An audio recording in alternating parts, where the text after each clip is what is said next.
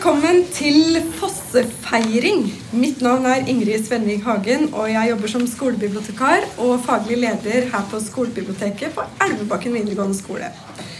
Skolebiblioteket og Norskseksjonen har samarbeida om å markere tildelingen av Nobelprisen i litteratur til Jon Fosse i en hel uke til ende. Dagens arrangement markerer en avslutning av det vi har kalt for Fosseveka. Men forhåpentligvis kan det være med på å åpne forfatterskapet til Jon Fosse for flere lesere, både ungdom og voksne. Samtalen her kommer til å bli tatt opp til skolebibliotekspodkasten som jeg lager, som heter Et rom med innsikt. Så vet dere at det er opptak nå. Ehm, så da er det mulig for flere å høre samtalen senere. Det er en glede for meg å ønske velkommen til vår første gjest i dag. Eh, Jon Fosses biograf og redaktør Cecilie Seilnes.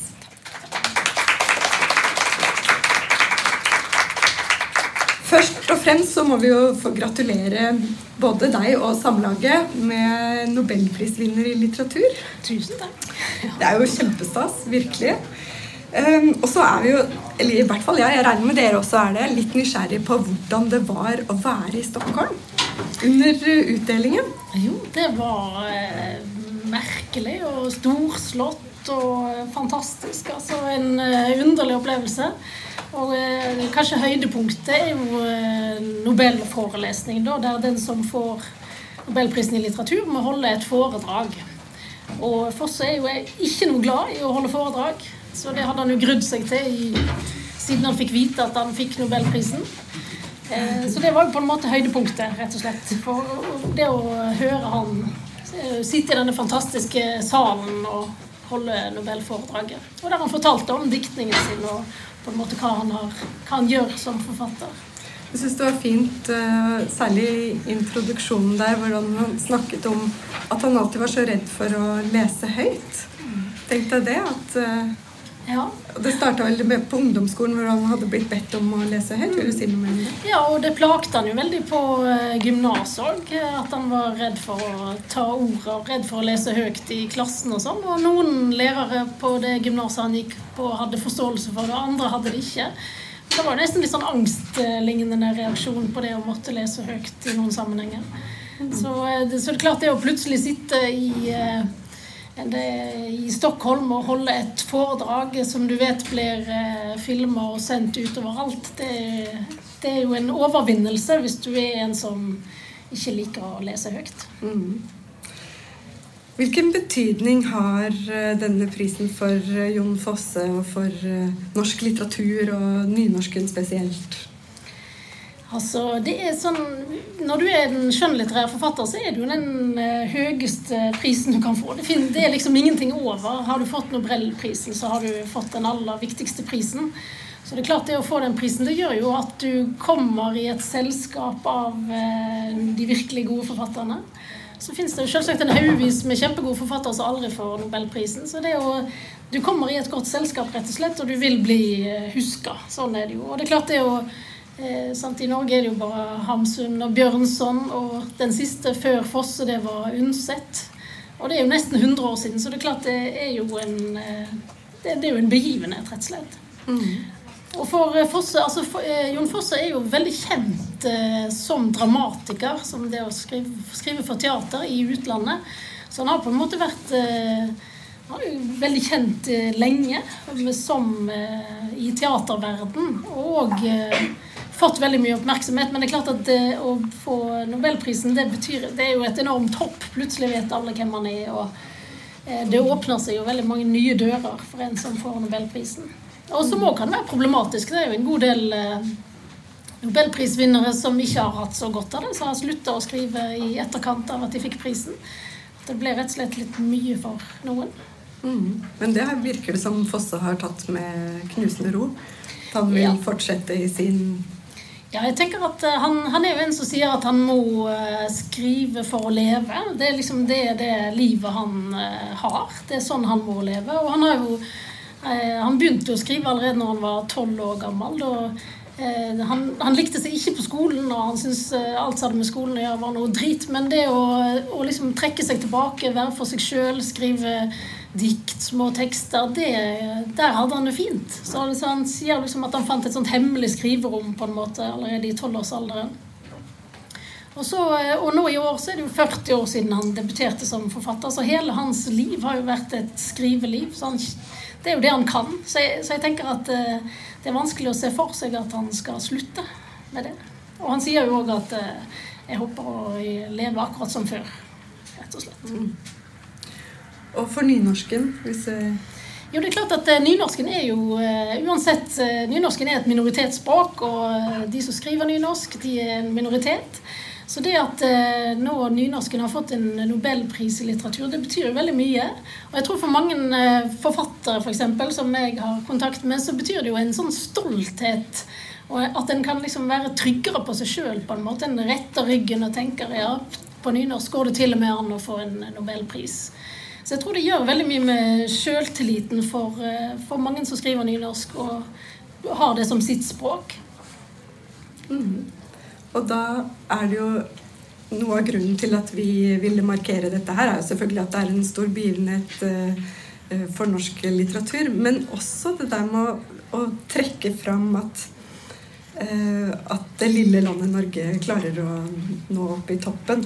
Men vi ønsker jo at elevene våre skal få øynene opp for eh, Jon Fosses forfatterskap. For det er mange som tenker at han er litt utilgjengelig eller vanskelig eller eh, kanskje ikke tør å gi seg helt ut på det. da. Hva ville du anbefale ungdommene våre å lese? Altså Rett før jeg eh, kom her, så var jeg og møtte Jon Foss, og da sa jeg at jeg skulle på Elvebakken og snakke for noen eh, som går på gymnaset, og, at jeg skulle foreslå noen bøker for dere. Og da sa han eh, at ja, men da må du foreslå en prosa fra en oppvekst. Og så sa han òg at ja, altså, hvis de ikke liker han, så bare hiver de han i veggen. Så det, da kan en se om en liker det, og hvis en ikke liker det, så uh, trenger en ikke å lese det. Men, men, dette her er en bok som uh, altså For det første så er den jo veldig kort, og veldig mange fosterbøker er veldig korte. Så er det 70 sider, det, det tar en liten time, det. Og så har han lest en fosterbok. Og i denne boken her er det korte, små tekster som Jon Fosse skriver om eh, barndommen sin og oppveksten sin. Og som i utgangspunktet var tenkt som eh, ganske tett på livet hans.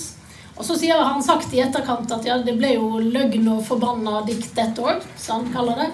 Men utgangspunktet er den plassen som Fosse kommer fra. Han er jo fra Hardanger, i, eh, i Strandebarm i Hardanger. Veldig fin plass langs fjorden. Så dette handler på en måte om livet hans som eh, ung og, og, som barn. Og kanskje noe som eh, Her er det, her er det, eh, det er skoleliv, her er klining og drikking og røyking. Her er liksom alt som hører til i et uh, ungt liv. Uh, og i tillegg, så det som kanskje preger denne boken, og uh, livet til Fosse, da, var at han opplevde veldig mye død som ung. Det var flere av hans eh, venner og flere som han var veldig nært, som døde når han var, var ung og, og, liten. Og han har sagt at det på en måte har prega han som både menneske, og at det kanskje er derfor han skriver. Da, at, eh, at, det å oppleve mye død som barn og ung, det gjør at en har At en må eh, behandle det på en eller annen måte. At hans måte er å skrive. Så her får en jo et, liksom et inntrykk av uh, hvor Fosse kommer fra, og, og, litt av hvem han er. Mm. Det er morsomt at du trekker fram den først, fordi vi hadde høytlesning her forrige torsdag. Hvor uh, norsklærer Ingeborg uh, leste høyt fra den, og det var veldig fint. Så da var det noen av dere som fikk noen smakebiter av det. Mm. Men du har flere anbefalinger ja. som en sånn start, startpakke. Ja. Altså, jeg, denne boken, som heter 'Trilogien', den eh, er jo en mye nyere bok fra Fosse. Den eh, fikk Fosse og Nordisk råds eh, litteraturpris for. Den er egentlig satt sammen av tre deler. Og den handler om et ungt par, Asle og Alida, som kommer Altså, de, det er et ungt kjærlighetspar. Så egentlig er dette liksom en lysende fortelling om kjærlighet. Og så tenker han kanskje ofte at uh, Fosse sine tekster om der skjer det ingenting. liksom. Men dette er virkelig en bok der det skjer veldig mye. Her er, det, her er det død, her er det drap, her er det kjærlighet. Og i tillegg også noe som Fosse skriver veldig fint om her, det er på en måte de helt grunnleggende tingene i livet. sant? Det å eh, lete etter en plass å bo, eh, det å være veldig sulten. Altså helt, helt det, det som koker ned til det som vi alle opplever. Det handler om å være menneske. Så, og den, denne boken er egentlig delt i tre. Den første delen heter 'Andvake'. Noe som betyr å ikke sove eller være søvnløs.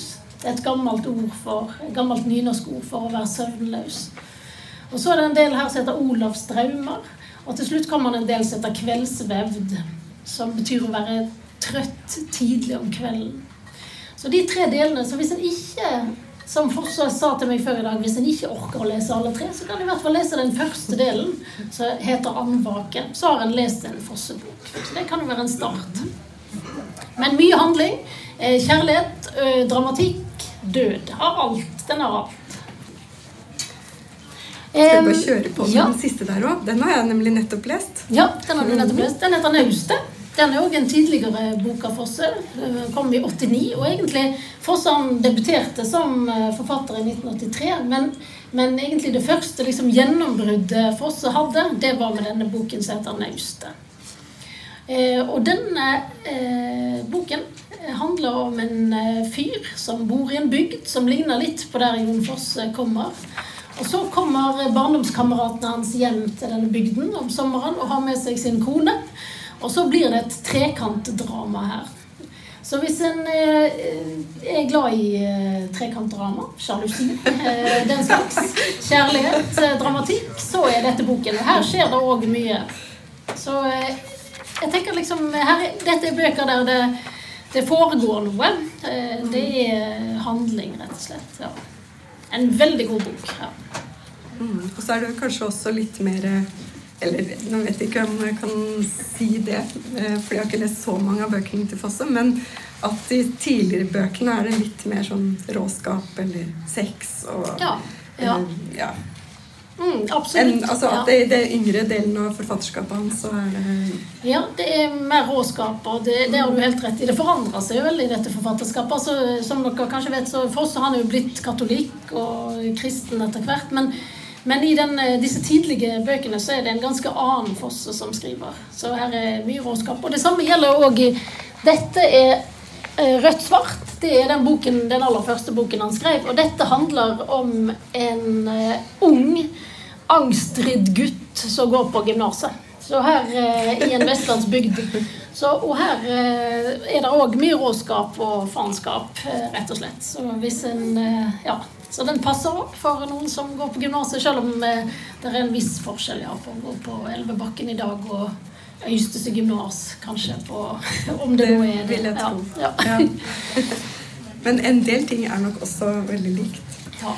Um, i Nobeltalen så nevnte Svenske Akademiens representant eh, professor Anders Olsson både prosaen og dramatikken til Fosse. Men han nevnte ikke poesien. Jeg lurte litt på hvorfor, hvorfor det. Fordi Fosses forfatterskap er jo kjempestort. Han har skrevet veldig mange verk innenfor forskjellige sjangre. Men hvorfor eh, snakka han ikke om poesien? Ja, altså det, sitt, som du sier, Fosse sitt forfatterskap er jo gigantisk. rett og slett. Og her er jo også, eh, Det finnes òg barnebøker, det er en haug med essay. altså eh, og masse dramatikk og eh, prosa, som både sant, romaner og fortellinger. Så her er veldig mye forskjellige ting. Men på, på en måte de to viktige hoveddelene, eller de to mest sentrale delene, er jo prosaen, da, som er romanen og fortellingene, og dramatikken. Og, og, egentlig så er det jo som romanforfatter Fosse begynner. Og så Det som skjer med Fosse, er jo at han egentlig eh, Han blir jo en dramatiker. Han er, han er, jo rett og slett en verdenskjent dramatiker. Altså Teaterstykkene til Fosse de blir satt eh, opp over hele verden. De er oversatt til over 50 språk, og der er, ja, det har vært sånn ca. 1000 produksjoner, altså 1000 teater som har satt opp ett og ett stykke av disse. Så det er jo en, vanvittig eh, historie. Men, og egentlig så hadde han jo ikke lyst til å skrive for teater. Så eh, han hadde jo egentlig lyst til å skrive romaner og dikt. Men det som skjer med Foss, er at han, eh, han er så eh, pengelens. Dette skjedde på 90-tallet. Og at pga. at han kan tjene litt på å skrive for teater, så gjør han det. Og så opplever han det som en, en stor åpenbaring. Det plutselig så merker han at det, teater det fungerer bra for meg. Men som du sier, så samtidig så har han òg alltid skrevet poesi eller dikt. Eh, og eh, det som mange sier, er jo at en kan liksom merke de nye tingene som skjer i Fosse sin, eh, sitt forfatterskap, i diktene. Og, og, det å lese et dikt og to kan jo være en fin ting. Og der har òg Fosse sagt at ja, det er jo bare å, bare å lese de der diktene, og så får en noe ut av det, så er det flott. Og hvis en ikke får noe ut av det, så bare les et annet dikt, eller, eller finn på noe annet. Ja. Jeg syns også det er veldig fint med Fosse at det virker som han, han skriver på og kjører på med sitt uh, løp fordi litteraturen bare skal ut. Og så bryr han seg ikke så mye om altså Litt sånn der Ja, ja, hvis du ikke liker det, så er ikke det mitt problem. Det syns jeg også er litt uh, morsomt. Han virker uh, som Og det er vel kanskje noe av det som er veldig sånn modernisten Fosse, da. At, han, at det bare kommer tyter ut. Tyter ut om, ja. ja. Han sier jo ofte at det føles som om bøkene eller tekstene er skrevne på forhånd. Som om det å Når han setter seg ned og skriver, så er det som om han, eh, han skal lytte seg fram. Som om teksten ligger der allerede. Og som om eh, han må sette seg ned lytte, og så kommer teksten. Som om den fins der fra før. Mm. Det høres merkelig ut, men eh, ja. Mm. Det må jo være litt fint å ha det sånn. Ja. Um, I 2009 så ga du ut en biografi om Jon Fosse med undertittelen 'Poet på Guds jord'. Da er vi litt tilbake til det med poesien igjen. Um, der skriver du bl.a. at Fosse tenker som en poet, også når han skriver prosa, at form og innhold henger veldig nøye sammen i forfatterskapet hans. Kunne du utdype det litt? Ja, altså grunnen til at det, altså, Han kalte seg jo sjøl en poet på Guds jord. Eh, og eh, på en måte så sier han jo at han er uansett om det da er teaterstykker han skriver, eller om det er, er romaner eller fortellinger, så er han på en måte så er han poet uansett.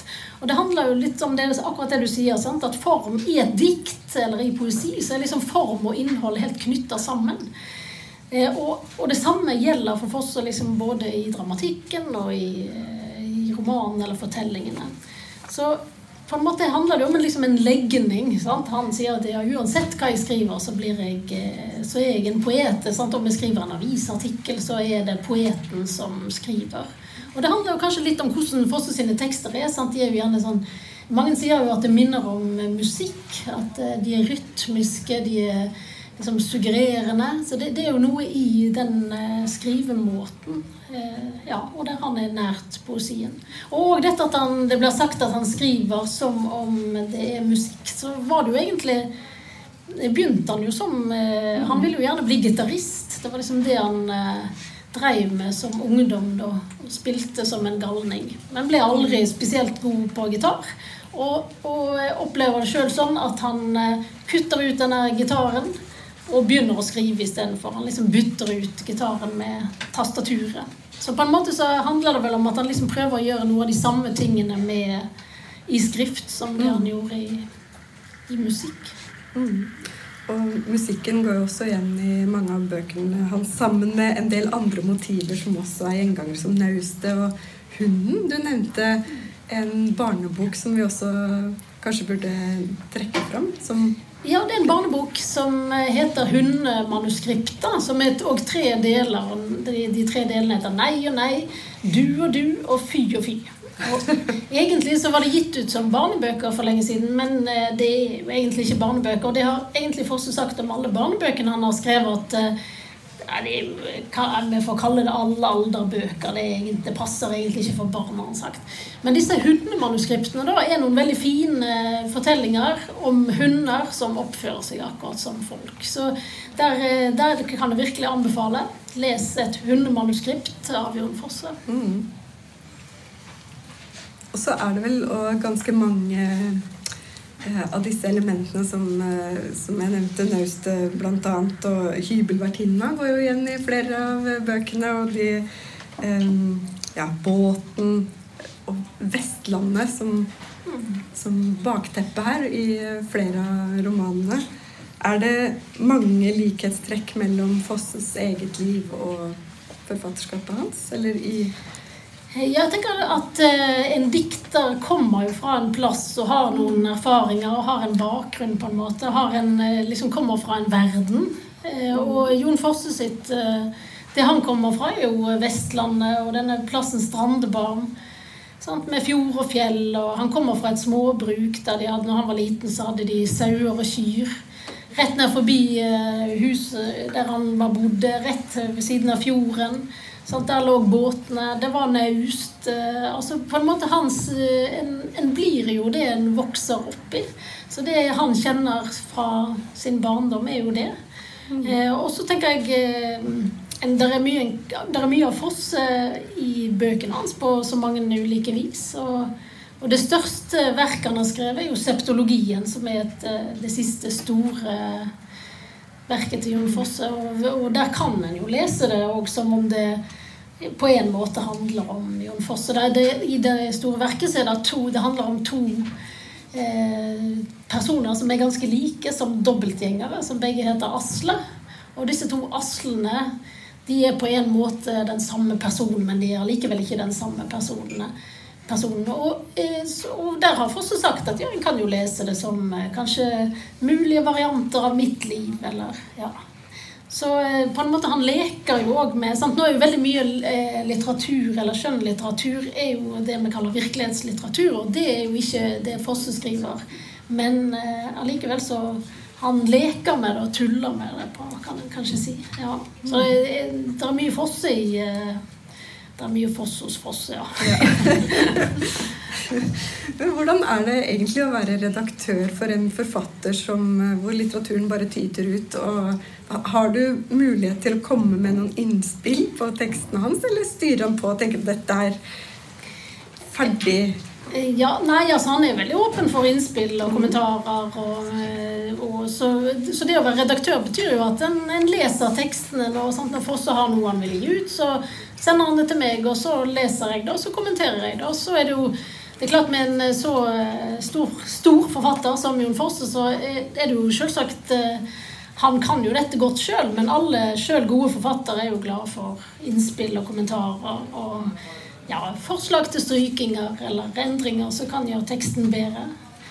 Og um, ja, Så utgangspunktet for at jeg ble altså det er jo mange, For at jeg har den jobben jeg har, er jo at jeg skrev en bok om han og kjenner hans ja, det lurte jeg også på, godt, ja. Fordi du skrev boka, og så ble du redaktøren hans etter det? Ja, ja. ja så jeg, jeg ble ansatt etter boken, ja. Mm. Mm. Og det Prosjektet tok deg jo på reise rundt omkring i hele Europa, for du har jo intervjua både regissører og alle som har vært i kontakt med Fosse gjennom ulike deler av forfatterskapet hans. Og han er jo en veldig Eller var i hvert fall mye på reise.